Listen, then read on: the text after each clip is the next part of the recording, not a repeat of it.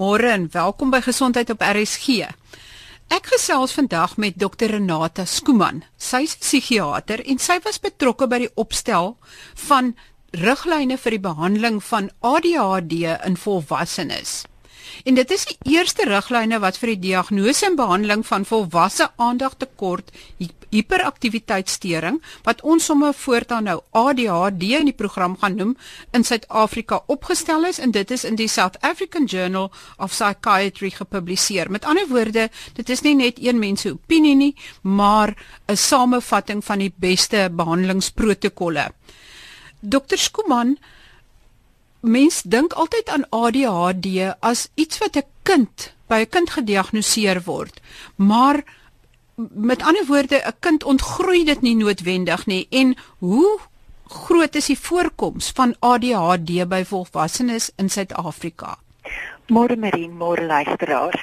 Ja, tot redelik onlangs of 'n paar jaar gelede was daar hierdie ek wil wanopvatting sê dat ADHD iets is wat net in kinders voorkom. Maar internasionaal is die beweging al lankal daar dat dit ook in volwassenes daar is en dat kinders dit nie net met een of ander wonderwerk skielik afskit as hulle uit die skool uitgaan nie. En dit was 'n lang stryd in Suid-Afrika om tot die punt te kom dat dit nou erken word as 'n kroniese toestand. As ons kyk na die insidensie, is dit min of meer 3 tot 4% van volwassenes wat ADHD het. Meeste van hulle is bewus daarvan sê dit kinderjare, maar ons weet nou natuurlik ook as gevolg van die generasies waar ons groot raak, dat mense noodwendig in jou kinderjare daarmee gediagnoseer kan word nie. En ons sien baie keer volwassenes wat nou eers bewus daarvan raak as mense hulle kinders evalueer en hulle sê maar Dokter, al daai simptome was by my ook daar, maar niemand het natuurlik daai tyd regtig die kennis gehad in verband met ADHD nie. So as ons praat van min of meer 3 tot 4% van die populasie, dan is dit min of meer 1 miljoen volwassenes tussen 20 en 50 jaar oud in Suid-Afrika wat ADHD het. Daar is ook hierdie die idee dat daar wel kinders is wat dit ontgroei en ek sit dit in aanhalingstekens want ons kry wel soos wat mense brein ontwikkel tot die vroeg 20er jare is daar dinge wat wel ontwikkel en strategieë wat mense kan ontwikkel en ook die maturasie in die brein wat maak dat sekere van die simptome van ADHD minder opvallend raak As ons dan kyk, 60 tot 70% van mense wat as kind ADHD het, het nog steeds die volwaardige diagnose in volwassenheid, maar hulle raak beter om hierdie simptome te hanteer, byvoorbeeld hierdie tipe werk wat hulle doen of ook lewenstylaanpassings, byvoorbeeld baie oefening of 'n goeie supportstelsel, mens het byvoorbeeld by die werk iemand wat jou help met admin of 'n goeie sterk span wat saam met jou werk ensovoorts. As ons dan nou ook kyk van daai 60 tot 70% wat steeds volwasse ADHD het, het almal nie noodwendig medikasie nodig nie. So dit soos wat ek sê, ons het meer vryheid in volwassenheid. Laat ons nie noodwendig nou meer op 'n skoolbank hoef te sit of in daai struktuur is nie, maar ons leer ook vaardighede aan. Dokter Skuman, verskil die uh, simptome van ADHD in volwassenes van die van kinders? Is dit anderste? Dit lyk anders. Ons sit met dieselfde wat ons noem core symptoms of die triade van simptome wat ons noem aandag afleibaarheid of inattention, hiperaktiwiteit, hyperactivity en impulsiwiteit of impulsivity. Dis die drie goed. Nou dit is daar in kinders, dis daar in adolessente en dis daar ook in volwassenes. Maar natuurlik gaan dit anders lyk. As ons byvoorbeeld kyk in kinders na kom ons sê hiperaktiwiteit. Dit kan dalk kinders wees wat hulle vertel en hulle kan nie stil sit in die um, stoel nie. Hulle staan gereeld op, kan nie hulle beurt afwag nie. Hulle kan klim en klouter. Hulle maak 'n lawaai. Met ander woorde, hulle kan nie stil sit en speel nie, maar dit is 'n dis 'n raserige storie en hulle is heeltyd on the go, 'n energizer bunnies en hulle kan ook baie baie babbel en praat. In volwassenheid kan dit meer wees 'n interne rusteloosheid. Ek kan net nie afskakel nie, kan nie stil sit nie. Sukkel veral met vergaderings het dikwels meer as een werk wat hulle doen, met ander woorde 'n naure werk of iets wat hulle ook nog addisioneel doen. Werk lang ure kan 'n baie aktiewe werk kies en hulle kan ook tye half overwhelmed of oorweldig voel en kan nog steeds baie praat. So hiperaktiwiteit lyk verskillend. Dieselfde as ons kyk na afleibaarheid En kindertjies gaan dit dikwels wees, hulle kan nie hulle aandag hou by 'n taak nie. Hulle raak verskriklik vinnig verveel. Speel 5 minute een ding, dan 5 minute iets anders, maak nie die werkies klaar in die klas nie, maak agterlose foute, gee nie aandag aan detail nie, lyk like of hulle nie luister nie, sukkel om te organiseer en verloor al ewe goeders. In volwassenheid is die goed waarmee ons ge, ek wil sê uitgedaag of gechallenge word anders. So vergaderings kan nog steeds 'n probleem wees. Ons sien baie volwassenes wat vir my sê ja, in hulle lewe het hulle nog nie 'n boek klaar gelees nie en dan ook papierwerk en admin tipe take wat gereeld agterweë bly. Kan ook agterlose foute maak, kan ook dinge vergeet, deadlines, verjaarsdae, vergeet om die kinders op te laai, sukkel om te konsentreer, begin baie dinge maar maak niks klaar nie en is al ewig op soek na die bril, die sleutel die wallet ensovoorts. En die soos jy sê ook die impulsiwiteit. Hmm. Wat vir my interessant is is dat by kinders, hoewel hulle aandag afleibaar is, kan hulle dieselfde kind wat nie kan konsentreer in die klas nie, kan vir ure lank videospeletjies speel. Ja, en dit is wat ons noem hiperfokus. En baie ouers sal ook vir ons sê as hulle kinders evalueer, maar daar's niks fout met my kind nie. Hy kan dan vir ure rekenaarspeletjies speel.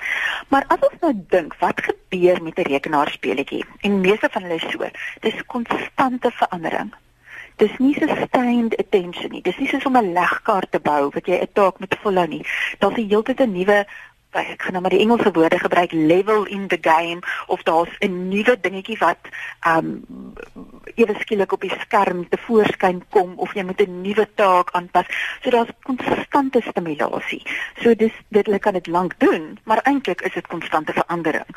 Um en ook met sulke tipe werk en ons sien dit ook in volwassenes wat baie op 'n rekenaar, byvoorbeeld rekenaarprogrammering of so doen, kan hulle dit vir ure doen want hulle raak amper dis asof hulle die buitewêreld afsny. So daar's amper nie daai afleibaarheidsfaktore wat jou ek wil sê you drown in the activity nie en dis wat ons noem hiperfokus.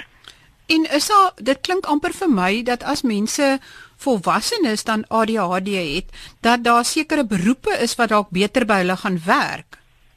Ja, daar is daar is nou nie formele studies gedoen oor wat se beroepe die beste is nie, maar ons kan sit ek wil sê tong en kies na sekere beroepe verwys, maar dit maak ook heeltemal sin.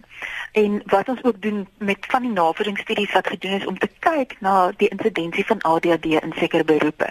Nou plekke waar daar nogal redelik baie mense met ADHD is en mens kan nie sê wat is eers die hoender of die eier, kies die persoon met die ADHD die beroep of is dit nou maar net toevallig die beroep waar die mense dan um heen getrek word word toevallig nie, maar ons sien geweldig baie in media en julle kan nou self dink ek weet die paar keer wat ek nou in ateljee was, dis nogal vir my erg wat ek eintlik als agter die skerm aangaan. Hoeveel stimulasie daar is en hoe vinnig goeders gebeur. So dis nogal iets waarvan hulle hou en ook journalistiek want geen dag is dieselfde nie. Ons sien ook baie in aktiewe beroepe byvoorbeeld die militêre beroepe of polisie of brandweermanne want dis dis krisisbestuur en dit is hoë adrenalien beroepe. Ook in sekere professionele sportmense, dis nou onlangs in die nuus ook weer gewees van ons sportspelers soos Michael Phelps en so wat ons weet daar is 'n hoër insidensie van ADHD. Ehm um, en dan wat wat die ook is onder loodse. En ons dink altyd o my aarde ek weet nie of my loods met ADHD het as hy die vliegtuig vlieg nie. Maar as ons kyk wat gebeur is die belangrikste ding is dat die loods daai akute druk van opstyg en land doen natuurlik die hele tyd werk maar dan ook novelty detection. Met ander woorde ons wil hê as daar 'n liggie erns aangaan moet dit onmiddellik die lood se aandag trek. So ons sien dit baie keer in daai tipe beroepe ook en dit is eintlik baie goed dan. Ook natuurlik kreatiewe beroepe, beroepe. Ons weet pasiënte met ADHD baie keer het hoë intelligensie en is geweldige laterale denkers. So hulle dink uit die boks uit en daai kreatiewe denke wat ons daar het, gaan ook dan natuurlik na sekere beroepe toe aangetrek word.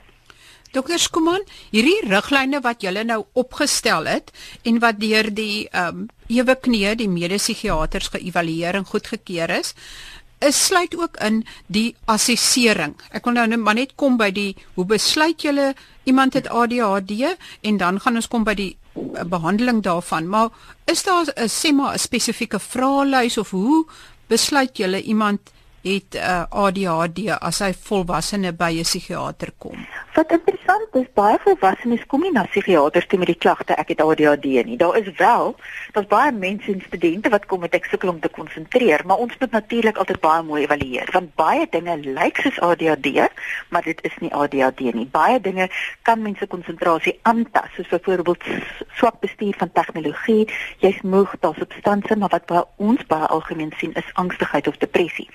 Nou dit maak dit nogal anders as in kinderjare. In kinderjare kom ons ons het screening questionnaires of vraelyste wat mens kan gebruik en baie daarvan sien mens op die internet ook wat juffrouens voltooi, ouers voltooi ensovoorts. Maar in volwassenes is dit meer kompleks as om net 'n questionnaire te tik. Ons doen nooit net dit nie.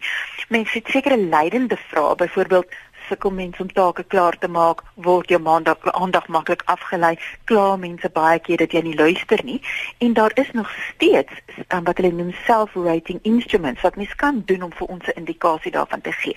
Maar dis bloot wat ons noem 'n siftingstoel. Met ander woorde, dis net iets wat soort van half jou aandag sal vestig. Hmm, as 'n psigiater, ek moet bietjie meer in detail hier ingaan.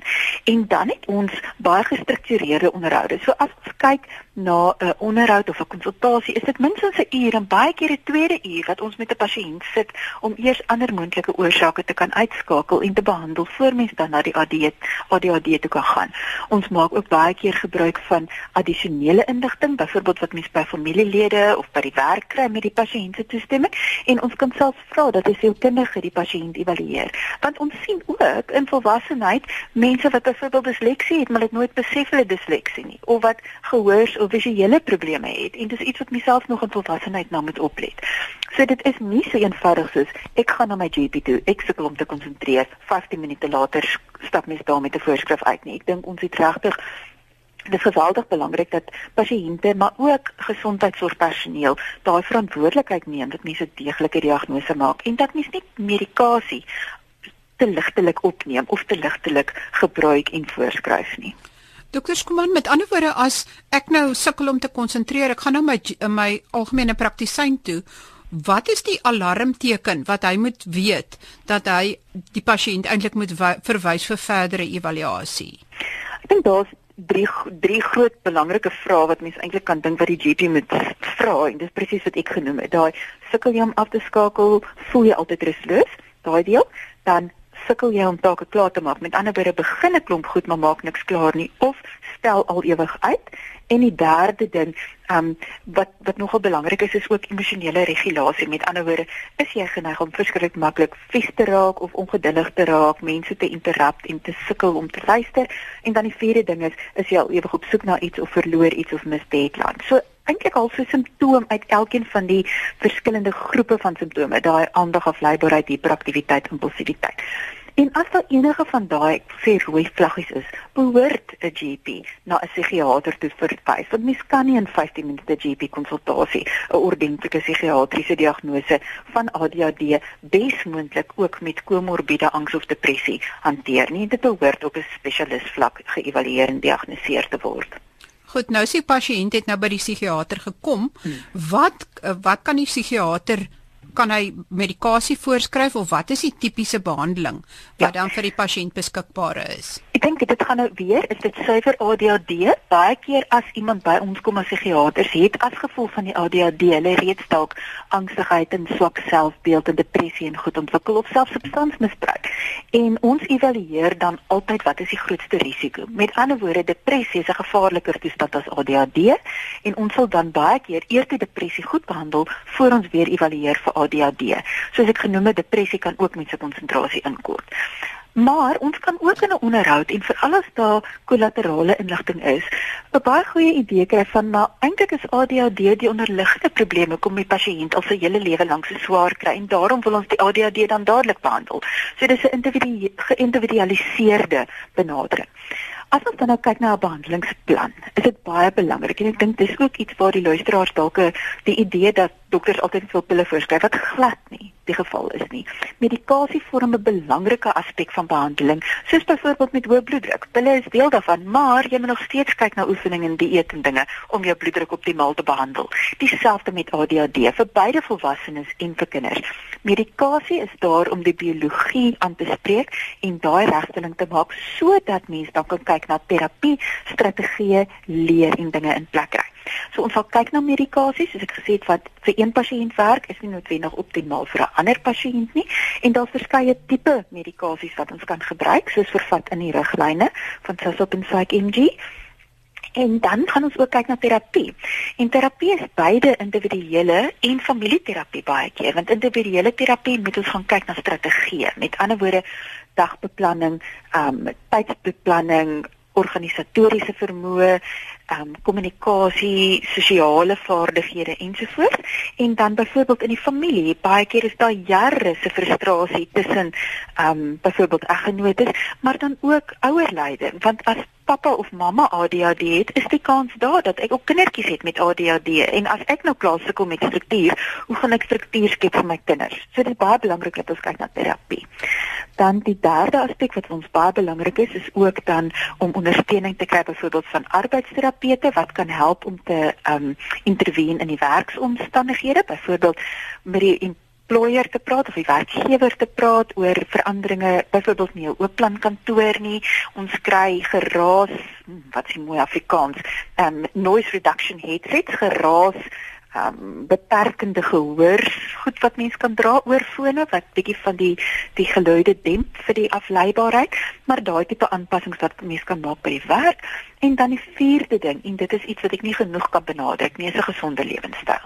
Mens moet altyd so min as moontlik substansie gebruik veral vir pasiënte met ADHD omdat hulle nog meer impulsief raak byvoorbeeld as hulle alkohol misbruik of nog meer sukkel om te slaap met kafeïne en alkohol en al die dinge en dan ook oefening. Ons weet wat die navorsing wys is dat oefening, um, as mens dit nou net so min of meer 'n resepie moet gee, behoort ons 5 keer 'n week minstens 30 minute te oefen, want net dit alleen verbeter jou konsentrasie met tot 20%. En natuurlik is dit wat jy eet noodsaaklik vir jou brein. Ja, as eating junk will produce junk. So as ons nie gesond eet nie, kan ons nie al daai nodige oordragstowwe en boustowwe vir die goeie neurotransmitters in ons brein um, vervaardig nie. En daarvoor al is dit belangrik om uh, byvoorbeeld ekstra omega aanvullings te gebruik, um, maar oor die algemeen net gesond en gebalanseerd te eet.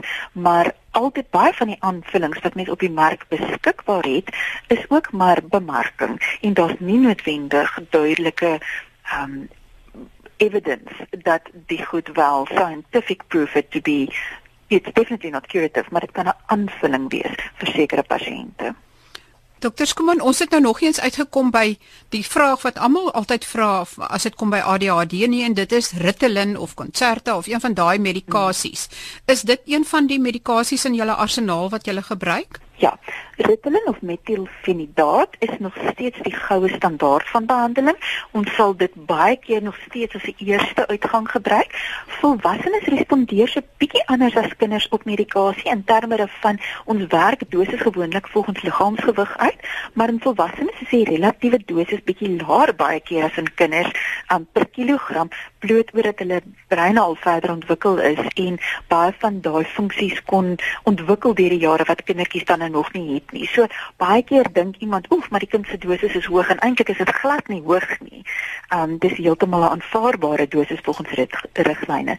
Nou, mense kry verskillende stip tipe stimulante of metielfenidate en daar kry ons kortwerkende en langwerkende Ritalin en dan ook Concerta wat 'n ander tipe tegnologie is. Maar dis basies dieselfde pil in verskillende formate, so hy werk vir verskillende duur van tye. So van hulle moet mens meer as een keer 'n dag drink, van dit is vir een keer 'n dag. Maar ons het ook ander tipe medikasie, byvoorbeeld nie stimulante, byvoorbeeld atomoxetin en dan ook bupropion of Enlafaksin en weer eens dit gaan oor om behandeling te individualiseer. Met ander woorde, wat die beste opsie is vir hierdie pasiënt voor my, vir hierdie pasiënt se simptome en dan ook natuurlik dit met die pasiënt te bespreek. En pasiënte het ook voorkeure in terme van hoe hulle verkies om die medikasie te gebruik. En mens moet saam besluit oor wat om te gebruik.